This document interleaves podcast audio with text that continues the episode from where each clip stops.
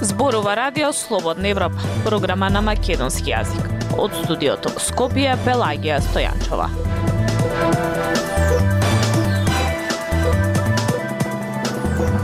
Во денешната емисија на Радио Слободна Европа објавуваме администрацијата нема да биде жртва на дигитализацијата. Грижа за старите, каде да останат во приватен, државен или во својот дом – Децата од еднородителски семејства се дискриминирани и без заштита. Слушајте не. Независни вести и анализи за иднината на Македонија на Радио Слободна Европа и слободнаевропа.мк. Со иселувањето на младите од земјава се отвара нов проблем. Нема кој да се грижи за старите и изнемоштени луѓе. Оние кои не се во состојба да живеат сами, можат да се сместат во јавен или приватен дом, но за дел од нив приватните домови се многу скапи, а во државните нема ни доволно место, ни доволно кадар. Прилог на Марија Тумановска. Се бара негувателка за чување стара жена, барам жена за чување стар родител, се бара жена за чување постар човек за 12 часа. Овие се само дел од многуте објави во Facebook групата Чување на стари лица во Македонија. Таму речи си секојдневно некој бара помош за чување стари лица, а друг нуди работа како геронто домакинка. Мајката на Верица од Скопје има 80 години. Подвижна е, но има деменција. Поради работните обврски, таа не може да се грижи за својата мајка, па бара решение кое ќе ја одговара и неизи и на мајка й. Од една страна, цените кои ми ги кажаа за сместување во приватните домови беа колку две неизини месечни плати. Од друга страна, кога кажав дека станува збор за жена која има психичка болест, ме советуваа да си го барам чарето во државните домови. Кај се бориш со осудување од луѓето, те стигматизираат и не примаат посложени случаи, дури ни за пари, ни раскажа Верица од Скопје. Од друга страна, и оние кои бараат работа како геронто домакинки не се одлучуваат да чуваат потешки случаи. Не би работела кај што има деменција. Тоа е многу тежок случај, не, не може тоа да се издржи. Вели Виолета која со години чува стари лица. Во Северна Македонија има пет јавни установи и 40 приватни установи за сместување на стари лица. Речи се и да нема приватен дом каде што цената за сместување стари лица не е пониско од 30.000 денари. Во оделот Мајка Тереза пак во рамки на геронтолошкиот од завод 13 ноември, месечно сместување чини 18.000 денари. Таму има капацитет од 111 легла, но исполнети се само 60% од нив, бидејќи нема доволно персонал кој би се грижел за сите корисници. Марина Мустачки пак е собственичка на два приватни старечки домови во близина на Скопје. После 14 години откако е во овој бизнис, Мустачки вели дека интересот за сместување во домовите е голем и во нив се влегува преку листа на чекање.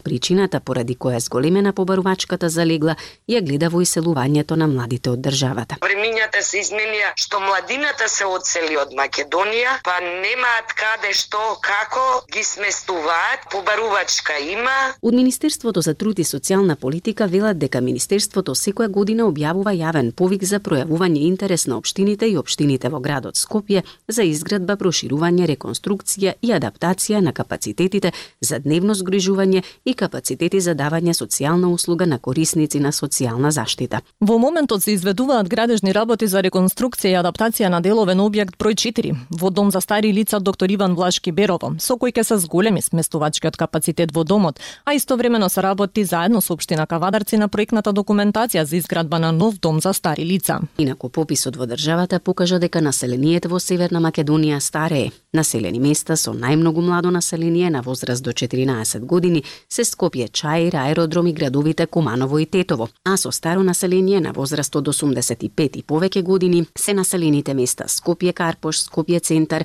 и градовите Битола, Прилеп, Велес, Охрид и други. Слободна Европа. Следете на на Facebook, Twitter и YouTube. Бизнис заедницата бара да се намали бројот на вработени во јавната администрација наместо да им се воведуваат нови даноци.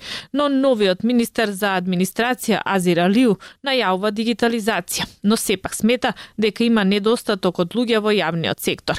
Можни ли се реформи за вработување според заслуги? Владимир Калински го слушаме во продолжение. И покрај плановите на владата за дигитализација и повиците од бизнис заедницата за намалување на вработените, јавната администрација нема да се намалува. Според министерот за информатичко општество и администрација Азир Алиу, се уште има недостиг од луѓе во јавниот сектор. Проблемот, смета тој, лежи во недостигот на опис на работните места за многу вработени, што го отежнува одредувањето кој е одговорен за какви задачи врз основа на нивното образование. Алиу вели дека барањата на Европската унија за реформи во администрацијата се однесуваат на одговорноста во институциите, а не на отпуштања. Додава и дека Европската унија ја нагласува потребата од сеопфатна анализа пред да се донесат одлуки за бројот на вработени. Ставот на Алиу е дека експертите и Европската унија не поставуваат услов со бројки, ниту со проценти, туку како што вели да се знае зошто вработените постојат во институциите, кој им е предпоставен и каде да даваат извештаи за нивната работа. Но според проценките на Центарот за управување со промени, бројот на вработени во целокупниот јавен сектор е голем. Според организацијата, бројот на вработени во јавната управа треба да се намали, како и да го следи процесот на реорганизација. Реорганизацијата е еден процес кој веќе тече и требаше да ги реорганизира и министерството и воопшто секторски институциите кои треба да одговараат под министерството и од тука ќе дојдеше и до рационализирање на одредени институции, па и рационализирање на работните места.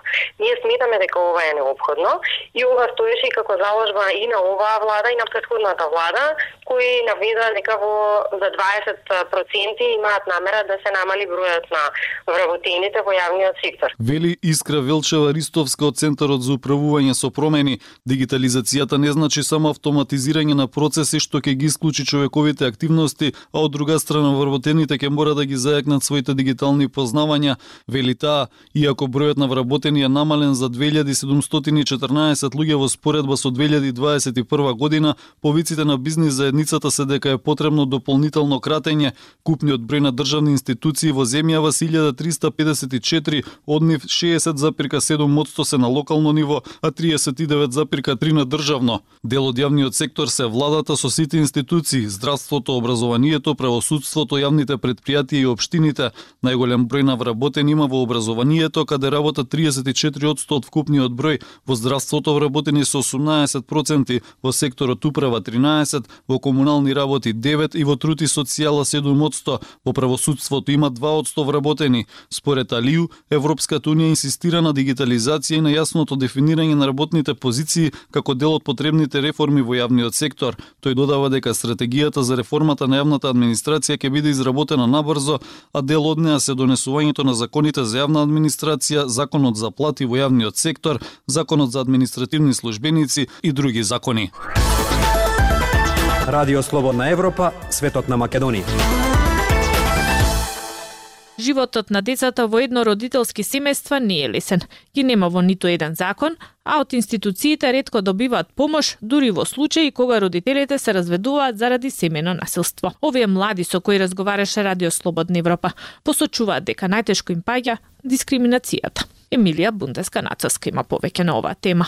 По разводот на родителите, студентката Бојана од Скопје последниве две години живее со својата мајка и сестра. Нема контакт со таткото и смета дека одлуката за развод била една од најдобрите во животот. Таа се разочарала кога, како што вели, сватила дека оние кои се подготвени да се разведат поради семено насилство не се заштитени од установите кои велат дека се тука за нив, а всушност според неа речи си воопшто не е така. Не се заштитени ниту нивните деца, а уште поголема тежина додава и етикетирањето од околината самите луѓе ги гледаат како да имаат некој хендикеп, како да тоа е нешто вау. Истакна студентката. И 22 годишната Елена Божиновска, која во моментов е единствената наша студентка на Римскиот универзитет Сапиенца, вели дека се соочувала со дискриминација бидејќи растела без татко. Тој починал кога таа имала 4 години и од тога живеела со незината мајка. Задевањето почнало уште во прво оделение, а растело се повеќе додека стигнала до средно. Го решив сама да, да се научам како функционираат родовите политики кај нас нас, кои се сите закони кои што не опфаќаат нас како самохрани еднородителски семејства и да не заборавиме дека еднородителски семејства се уште не постојат во закон нигде, значи не се спомнуваат воопшто. Ама политичарите многу сакаат да го спомнуваат тој збор, иако ако ги прашаш што точно значи тоа нема да знаат да ти кажат. Забележува 22 годишната Елена. По предходно искуство во младите на една може, дел од Сдруженијето за родова еднаквост една може, од оваа година Божиновска е председателка на првата невладина организација за млади од самохрани еднородителски семејства, млади од семејна разновидност, која нуди психолошка подршка и правна помош за младите од овие семејства. Преку Сдруженијето тие добиваат помош која може би ја очекуваат од државата, а најчесто не ја добиваат, смета председателката на Сдруженијето, особено во случаи на семејно насилство. Дали полицијата, дали социјалното, дали од кај сакаш да почнам, не знам, истото е. Само се едни лавиринти и е многу корумпирано сето тоа што се случува таму. Додава младата Елена. Наспроти ова, министерката за труд и социјална политика Јованка Тренчевска кон крајот на минатата година, посредба со две еднородителски семејства од Штип, посочи дека владата и министерството се отворени и достапни за сите потреби и предизвици со кои се соочуваат самохраните родители, како и останатите граѓани на кои им е потребна помош. Тогаш истакна дека социјалната реформа постои за да ги унапреди правата и да ја зголеми помошта за ранливите категории на граѓани, како и дека дава реални резултати, а едни од нив се зголемената социјална помош за 300% детскиот и образовен додаток. Младите мора да веруваат дека е возможна промена, но и да бидат погласни и поистрајни во барањата и да се сплотени во што поголем број порачува активистката Божиновска. Борбата за правата на младите од еднородителски и самохрани семејства и донесе и номинација на платформата Emerging Europe во категоријата Млад инфлуенсер за 2022 година со фокус на млади кои направиле некаква промена на национално или меѓународно ниво. Вели дека кое место и да го добие, наградата ќе им ја посвети на младите кои ги застапува и на незината мајка. Актуелности свет на Радио Слободна Европа. Над 700.000 луѓе во најбогатиот регион со нафта во Казахстан живеат во тешка сиромаштија. Една четвртина од произведената нафта во Казахстан доаѓа од провинцијата Мангистау, каде што жителите со години протестираат барајќи работа и нормални услови за живот. Казахстанскиот сервис на Радио Слободна Европа помина недели со нив. Нивната приказна во продолжение од прилогот на Зорана Гаджовска-Спасовска. И покрај тоа што во Мангистау се произведува околу една четвртина од нафтата во Казахстан, регионот се бори со сиромаштија, а Даутлет Калнијазов се жали на проблемите со кои се соочуваат и кои веќе неколку години се познати на јавноста. Дали на вистина можеме да живееме покрај такво богатство и да не видиме ништо од него? Праша тој, додека неговите сограѓани кои ги блокираа патиштата, навиваа и аплаудираа во знак на одобрување. Тоа е оно што не лути. Сите да сакаме да го видиме овој нов Казахстан што председателот Касим Жомарт Токаев го создава. Но ништо не се смени. Оние кои зборуваат вистината се прогонувани, додава Калнијазов. Новинарите на казахстанскиот сервис на Радио Слободна Европа пристигнаа ноќе во селото Жетибај на третиот ден од протестите на кои се бара обезбедување на нови работни места во населбата со околу 20.000 луѓе. Ежетибај прерасна во населба во 1960-тите години, кога советските власти почнаа со големи бушења во реонот. Протестите поради недостиг на работни места започнаа во 2014 година кога глобалните цени на енергијата влегоа во опасна состојба, предизвикувајќи кризи за големите извозници како Казахстан. Следната година, Националната банка на Казахстан ја повлече поддршката за валутата тенге, дозволувајќи незината вредност да се намали, што ја наруши локалната куповна моќ. Во 2022 година Казахстан беше опустошен од инфлација.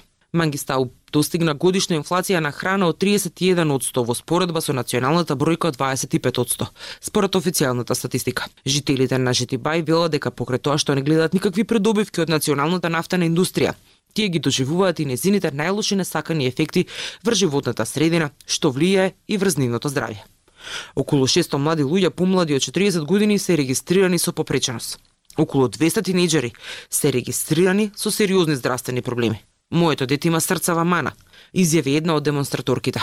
Следниот ден, жителите на новинарите на Радио Слободна Европа им покажаа истекување на нафта на неколку локации во областа, што според нив предизвикува и здравствени проблеми во селото. Еве го, нашето црно злато го наоѓа својот пад во воздухот. Во моментов е стабилен, но во лето кога температурите се искачуваат и на 40 степени, се креве и има мирис.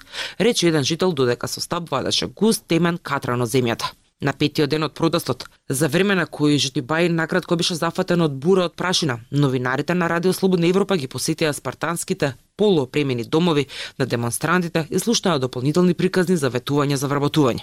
Токаев последен пат ја посети провинцијата пред неговиот реизбор на функцијата во ноември. Неколку месеци предходно, тој издаде остро предупредување дека за да се најде работа за сите во секторот за нафта и газ е невозможно. Ја слушавте емисијата на Радио Слободна Европа, програма на македонски јазик. Од студиото во Скопје со вас беа Пелагија Стојанчова и Дијан Балаловски. До слушање.